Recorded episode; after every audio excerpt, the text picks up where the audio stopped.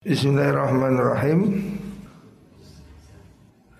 Arun batu salisa utai tingkatan kang nomor telu.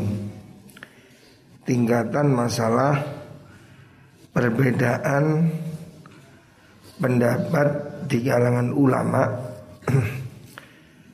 Yang membuat perbedaan Fatwa atau hukum di mana kemudian ada tiga tingkatan kekuatan apa perbedaan itu? Ada yang sangat kuat, ada yang tidak kuat ya. yang ketiga Arun batu te tingkatan asali satu kang nomor telu. Tingkatan yang ketiga Allah yastahira iku yanto ora dadi masyhur. Fil mas'alatin dalam siji masalah Opo khilafun khilaf aslan babar pisan? Walaki yakunu tapi ne ono apa al hilu hukum halal? Iku ma'luman dan werwi. Bi khabaril wahidi Kelawan khobar Khobari wong siji. Maksudnya diriwayatkan hanya oleh satu orang melalui satu orang ya. Fayaqulu mau ngucap sapa wahidu sapa al qailu. Wong kang ngucap ada satu pendapat Qadir talafa teman-teman persulayan sapa ulama fi khabaril wahidi ing dalam khabari wong siji. Apabila ada satu riwayat yang sifatnya itu hanya oleh satu orang yang meriwayatkan cuma satu orang kepada satu orang. Apakah itu boleh diamalkan atau tidak? Faminum iku setengah sanging ulama manutai wong layak balu kang orang nerimo sapa hu ing ma. Ada yang mengatakan itu tidak boleh. Hukum harus berdasarkan pendapat yang umum atau yang mutawatir yang nggak mau nerima seperti orang Mu'tazilah itu. Fana utawi ingsun iku atawarra'u hati-hati ingsun. Fa inna naklata suduni piro-piro wong kang nukil Wa ingkanu senajan opo-opo naklah iku utulan piro-piro ngatil Fal ghalatu mongkau tai luput iku jaizun wenang Minhum sangking mengkono nakolah nakolah gitu. Jamaknya nakil.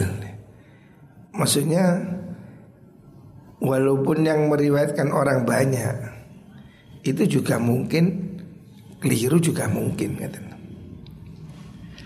Wal kizbu utawi goroh digorodin krono sejo khofiyin kang samar iku jaizun wenang alaihim ing atase mengkono uh, jamaah niku di anal adalah kalau sudah keadilan sifat adil aidon halimane oh tau wong kang adil aidon halimane iku qad yakdzubu terkadang goro sopo adil. Wal wahmu utawi nyono menyangka kesalahan iku yo jaizun menang alaihim ing atase mengkono nakalah niku. Fa inna usni kelakuan iku yasbuku terkadang wis ndisi ila sam'i maring panggurungane mengkono kaum atau naklah. Apa khilafu ma sulayani perkara yaqulu kang ngucap sapa? Mengkono pak duhumu ing ma uh, ngucap hu ing ma sapa alqailu wong kang ngucap. Hmm. jadi kalau ada satu hukum berdasarkan riwayat yang ahad yang apa cuma satu orang. Di situ orang berbeda pendapat boleh nggak diamalkan mayoritas mengatakan boleh.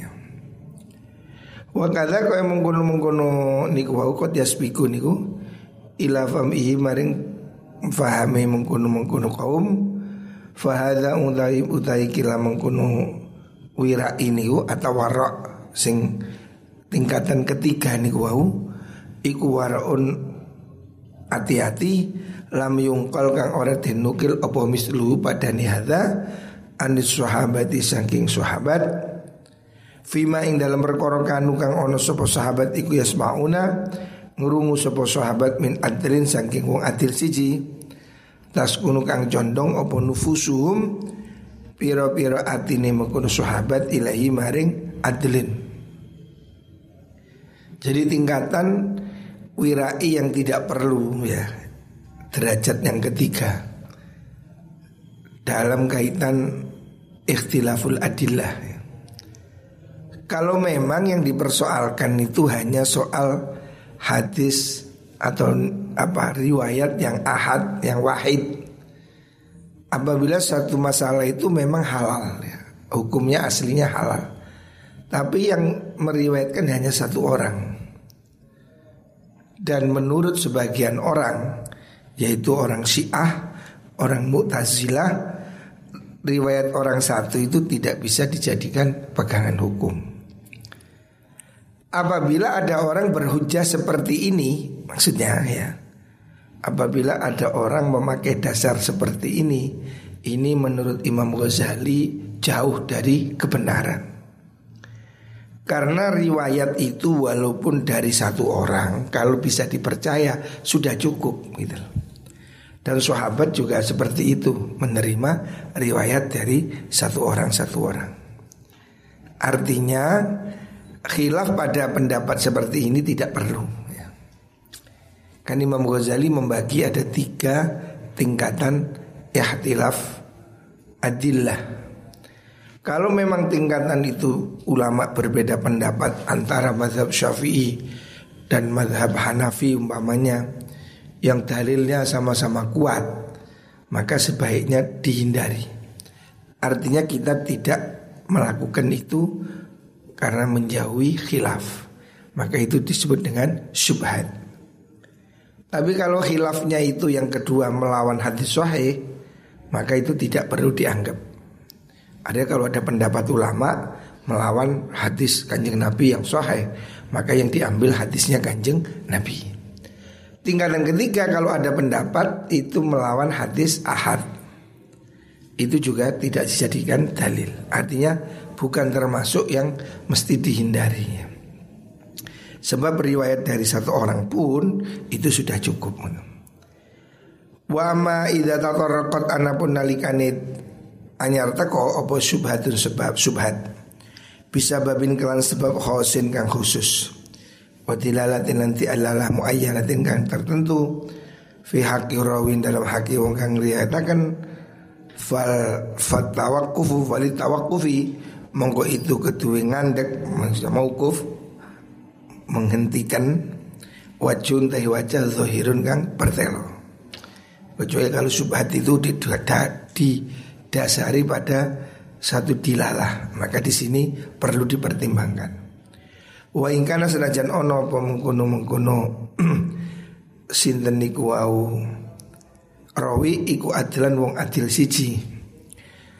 Wa khilafuman utawi khilafi wong pendapat yang melawan.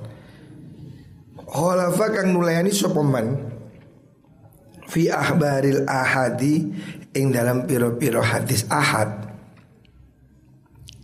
pendapat perseorangan yang melawan kepada hadis walaupun tingkatannya bukan sahih tapi ahad itu tidak diterima artinya tetap hadis itu lebih kuat Iku ghairu mu'tadin ora den hitung apa bihi khilaf ya. Jadi pendapat manusia selain kanjeng Nabi itu tidak bisa dibuat argumen melawan dawuhnya kanjeng Nabi. Dan jumhur ulama, mayoritas ulama ahlu sunnah Hadis sahih itu tidak harus diriwayatkan oleh banyak orang ya. Bisa jadi diriwayatkan oleh satu orang, dua orang Tapi tingkatannya sahih Itu bisa Sementara orang Mu'tazilah berpendapat kalau yang meriwayatkan satu orang itu tidak bisa disebut sahih. Tetapi madhab jumhur ulama mengatakan bisa aja. Sebab bukan soal berapa banyaknya, tapi kualitas yang meriwayatkan. Walaupun diriwayatkan oleh lima orang, tapi lima orang pembohong, ya tidak ada artinya lebih kuat satu kaul yang diriwayatkan oleh satu orang tapi jujur. Wawa te mengkono khilaf iku ka khilafin nizami kaya nulayani urutan fi asul ijma'i ing dalem pokoke ijma.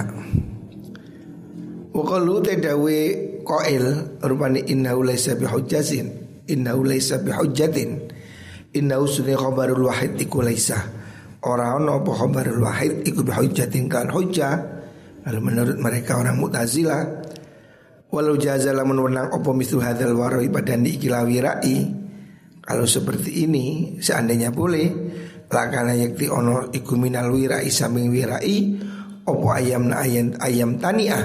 Yang to nyegah sopal insanu menungso Min ayah huda sangking yang to ngalap sopo insan mirathal jati Ing warisane mbah Rupanya abil abi bapak bapak wa yaqulan ngucap sapa mungkun mungkun insan laisa orna fi bila iku dalam kitab Al-Qur'an apa zikrun nuturakan ilalil banin maring piro-piro anak?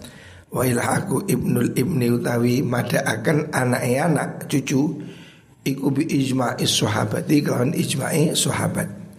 Wa hum halutai mengkono sahabat iku ghairu maksumin orang maksum kabeh. Jadi ijma itu juga dalil.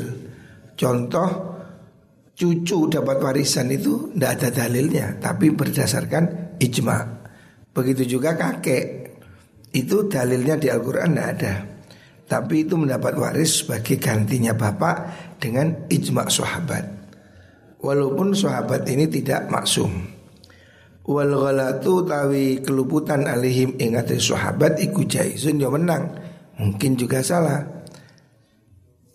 Itu khalafa nalikane nulayani sapa wong an-nizama ing urutan aturan fihin dalam mengkono ijma.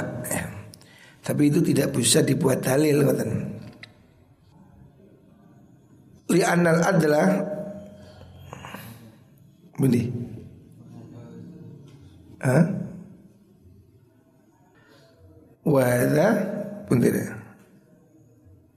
Wada utai kila pendapat niku wau Maksudnya qaulul qail yang mengatakan tidak boleh berpendapat dengan khobarul wahid ya atau dengan uh, berdasar ijma ya.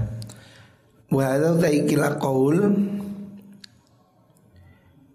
iku hausun edan itu tidak benar. Ijma itu sudah disepakati sebagai dalil. Hausun iku edan wa tadaa lanari apa mungkin hadal qaul nari ila ayut roka maring yen den tinggal opo ma perkara ulima kang den wuri bi umumatil Qur'an iklan pira-pira umumi Qur'an. Ilminal mutakallimina kroni setengah saking ulama mutakallimin man utai wong dhaba kang milih sapa man illa anal umumat maring suduni pira-pira dilalah kang umum iku la sighata ora sighat iku maujud la kutu ama ama umumah Wa imana yuhtaju ang mesti den kaya haja Den kaya hujjah Wa inna ma yuhtaju ang mesti den kaya hujjah. Apa bima klan perkara? Fahimak ang mahami ing masuk as sahabat tu sahabat. Minha sangking mengkono umat Bil kora ini klan piro-piro karina Wa tilala tilan piro-piro tilala ya. Jadi proses pembentukan hukum ini kan sudah melewati beberapa fase. Tidak semua hal ada dalilnya dalam Quran ataupun dalam hadis. Al-Quran lebih banyak membahas tentang hal-hal yang lebih global. Ya. Waris garis besarnya ada di Al-Quran. Tapi beberapa tidak disebut, contohnya seperti kakek, cucu, ya. Itu berdasarkan ijma ulama, ijma'nya sahabat. Jadi kalau ada orang kemudian mengatakan bahwa hanya mau Quran dan hadis, pasti kesulitan. Karena tidak semua dalil ada di Quran dan hadis. Tadi saya baru ada tamu orang Islam jamaah. Mereka ini sudah tobat. Tadi saya ada tamu mantan orang Islam jamaah Lemkari. Mereka sudah taubat tadi datang ke sini curhat. Wah mereka sudah 35 tahun ikut itu LDII Mereka merasa ditipu. Dulu mereka ikut itu terpengaruh propaganda Bahwa mereka ini hanya Quran hadis. Tidak pakai kaul ulama, tidak pakai madhab Mereka mengira itu Islam yang murni Karena hanya Quran dan hadis. Ternyata sekarang setelah mereka sadar itu manipulasi sehingga mereka menyadari Islam jamaah ini sesat mengkafirkan orang Islam ya. dan aturan-aturan yang mereka kamuflase dari dalil. Lah, yang seperti itu kan tidak boleh. Makanya orang tidak mungkin langsung hanya Quran hadis. Pasti ada perlu ijma dan kias. Ada hukum-hukum itu yang ditentukan oleh ijma. Ada hukum yang ditentukan oleh kias. Al-Quran hanya melarang memaki orang tua. Ngamplengi ya apa? Udah ada hukumnya. Ya ada. Mana? Itu namanya kias. Kalau misuh saja tidak boleh, apalagi ngampleng. Dalili ngampleng, kau ono. Itu kias namanya. Lebih ya. Lah kalau orang tidak mau kias, tidak mau ijma, ya pasti dia ngawur ya. Karena hukumnya sudah sudah berkembang dan kita mengikuti pemahaman ulama-ulama dahulu yang memahami Quran hadis itu kan generasi sahabat. Mereka lebih ngerti apa maksudnya karena mereka diajari oleh kanjeng Nabi. Terus bawahnya bawahnya. Loh kita ini kan jauh. Sudah 1400 tahun. Mana mungkin hari ini ada orang benar Yang lain salah? Dari mana? Jadi Islam jamaah itu menganggap semua orang kafir. Dia sendiri yang muslim. Loh ini kan edan. Loh semua orang dihukumi kafir. Terus yang melebu suarga Hanya mereka. Lah sepi lah suarga Ya apa Jumlah pengikutnya paling satu juta. Padahal penduduk dunia ini 7 miliar. Sepi suarga Nah itu edan.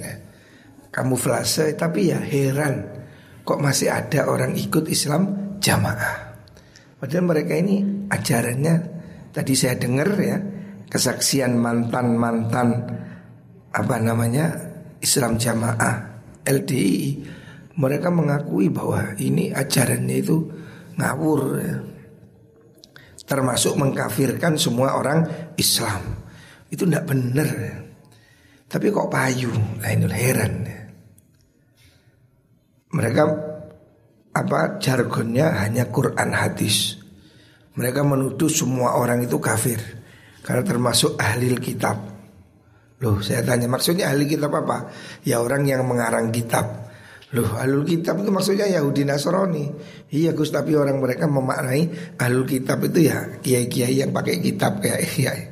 Yang gendengedan Jadi mereka menafsiri Al-Quran Orang-orang kafir ahlul kitab itu kita Yang baca kitab ya. Yang goblok temen ya. Nah ini contoh. Bahaya sekali pemahaman itu Wa kullu dzalika tes kabani mengkono-mengkono kaul niku wau iku waswasun waswas. Melawan ijma melawan kias itu waswas tidak benar. Faidan nalikane mengkono mengkono waswas niku atau haus itu salah itu. La tarafa ora ono arah iku mujud min atrofis subhat saking piro-piro arah subhat illa wa fiha angin iku ing dalam mengkono atrafus syubhat Huluun utai leluwian wa israfun na ya tegesi leluwian. Fal yafham moga becik faham Atau fal yufham becik dan fahami Apa dhalika mengkono Niku wau. Fiha huluun wa israf niku. Jadi dalam masalah syubhat Itu Imam Ghazali mengingatkan subhat ini ada tingkat-tingkat ya. Jeli Imam Ghazali Tidak semua subhat itu dianggap ya. Contoh dalam bab terakhir ini subhat ikhtilaful adillah. Kita kalau dalam fikih kan cuma umum kaidah khuruj minal khilaf sunnah. Menjauhi khilaf itu bagus. Tapi Imam Ghazali mengatakan tidak semua. Kalau khilaf itu sama-sama ada dalilnya, maka itu sebaiknya dijauhi atau dikompromikan. Contoh Imam Syafi'i mengatakan mengusap kepala itu cuma sebagian. Menurut Imam Hanafi semua. Sebaiknya kita pakai semua supaya dapat dua pendapat ini menjadi satu. Tidak khilaf. Itu boleh. Tapi kalau pendapat itu melawan pendapat yang sahih, ya tidak usah dianggap. Umpamanya ada hadis sahih tentang halalnya suatu hewan. Dob. Ada orang berpendapat haram, ya itu nggak dianggap. Karena apa? Pendapat itu melawan hadis sahih. Jadi tidak semua beda pendapat itu diterima. Atau yang lebih parah yang ketiga ini ada beda pendapat yang hanya berdasarkan asumsi. Yaitu seperti pendapatnya orang Syiah, orang Mu'tazilah yang menolak hadis ahad. Bahwa mereka berpendapat hukum harus dengan dalil yang mutawatir. Nah ini kan melawan ijma para sahabat. Sahabat tidak mensyaratkan itu. Nah, maka pendapat seperti itu tidak perlu dianggap. Artinya tidak dianggap sebagai ikhtilaf yang berarti. Jadi Imam Ghazali ini merincis demikian rupa. Sehingga tidak subhat pada bagian kedua dan ketiga. Tapi pada bagian yang pertama, nah itu memang ada subhat. Contoh, hukumnya hewan yang disembelih tanpa baca bismillah. Tapi yang nyembelih orang Islam. Menurut madhab syafi'i, sembelihan orang muslim tanpa baca bismillah sah. Karena dia orang muslim. Tapi menurut madhab Hanafi tidak sah. Sebab termasuk tidak disebut termasuk bahkan mimma lam karismullah. Nah kalau begini, dua pendapat punya dalil, sebaiknya dihindari. Karena ini sama-sama kuat. Artinya lebih baik kita tidak makan hewan yang tidak dibacakan bismillah. Walaupun menurut madhab syafi'i itu halal. Nah ini contoh, itu subhat.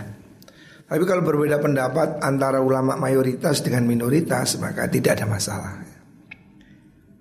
Wa mama askala Lan kapan-kapan dadi muskil apa amrun perkara min hadil umur sanging ila pira-pira perkara falyastafti mongko becik amri fatwa sapa wong fi ing dalam amr al qalba ing ati. Kalau kamu ragu-ragu ya halal haram dan memang betul-betul ragu bukan sesuatu yang jelas maka kembalikan pada hati nurani. Waliyada lan becik tinggal sapa wong al waraa ing wirai. Ma ing perkara yurbihi yurbihi yuribu kang mamangaken apa mahu ing wong. Ila mamaring perkara la yuribu kang ora mamangaken apa mahu ing wong. Kalau hatimu ragu-ragu halal haram tinggalkan yang meragukan. Karena kalau meragukan itu indikasi tidak halal.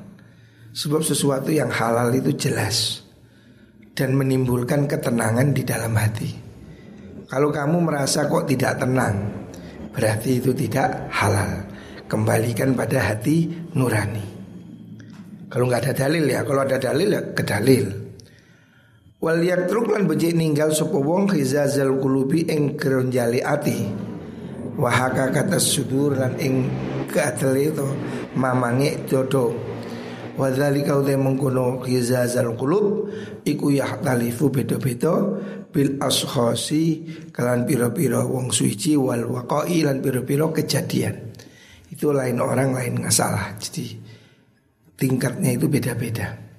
Ya ada seperti ulama yang mengharumkan kepiting karena dia ragu-ragu pada halalnya kepiting. Tapi ada yang berpendapat kepiting halal. Nah, itu kan kembali ke hati nurani.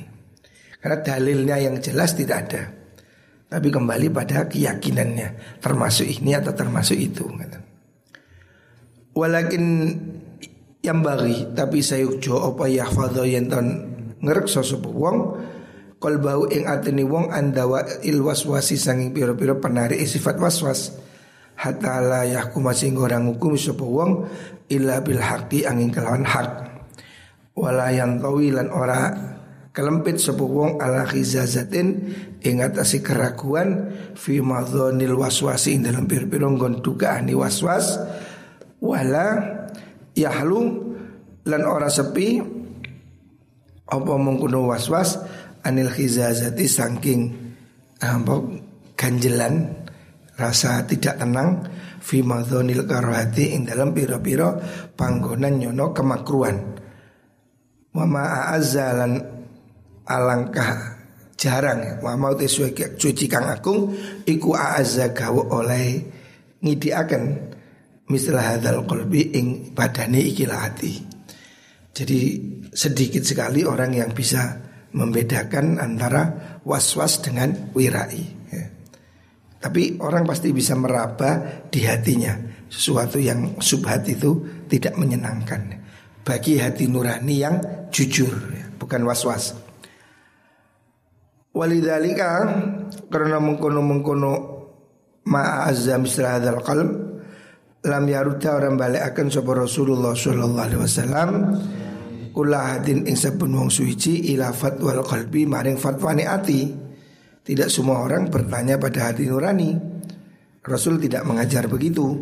Wa inna qala ang ucap zalika ing mengkuno sapa Kanjeng Nabi, zalika ing mengkuno qaul liwabisota maring sahabat wabisoh. Nabi menjawab istafti qalbak itu pada sahabat wabisoh. Karena wabisoh itu orang yang hati-hati ya. Lama kala semangsani ono sebuah kanjeng Nabi Iku qad arofa Teman-teman waro sebuah kanjeng Nabi Halahu ing tingkai mengkono wabiso nah, Wabiso ini nama sahabat yang lama kenal kanjeng Nabi Ketika Wabiso itu bertanya ragu Nabi mengatakan Tanyalah pada hati nuranimu Karena Nabi tahu Wabiso ini orang yang benar Tapi tidak semua orang disuruh begitu kalau orang jahat hati nuraninya ya memilih kejahatan tidak boleh. Ya. Bertanya pada hati nurani itu kalau memang orang itu jujur ya. Jujur dan betul-betul memang dia niatnya tulus Ingin tahu ini gimana ya ragu-ragu. Ambil atau tidak halal apa haram Kembalikan pada hati nurani Wallahualam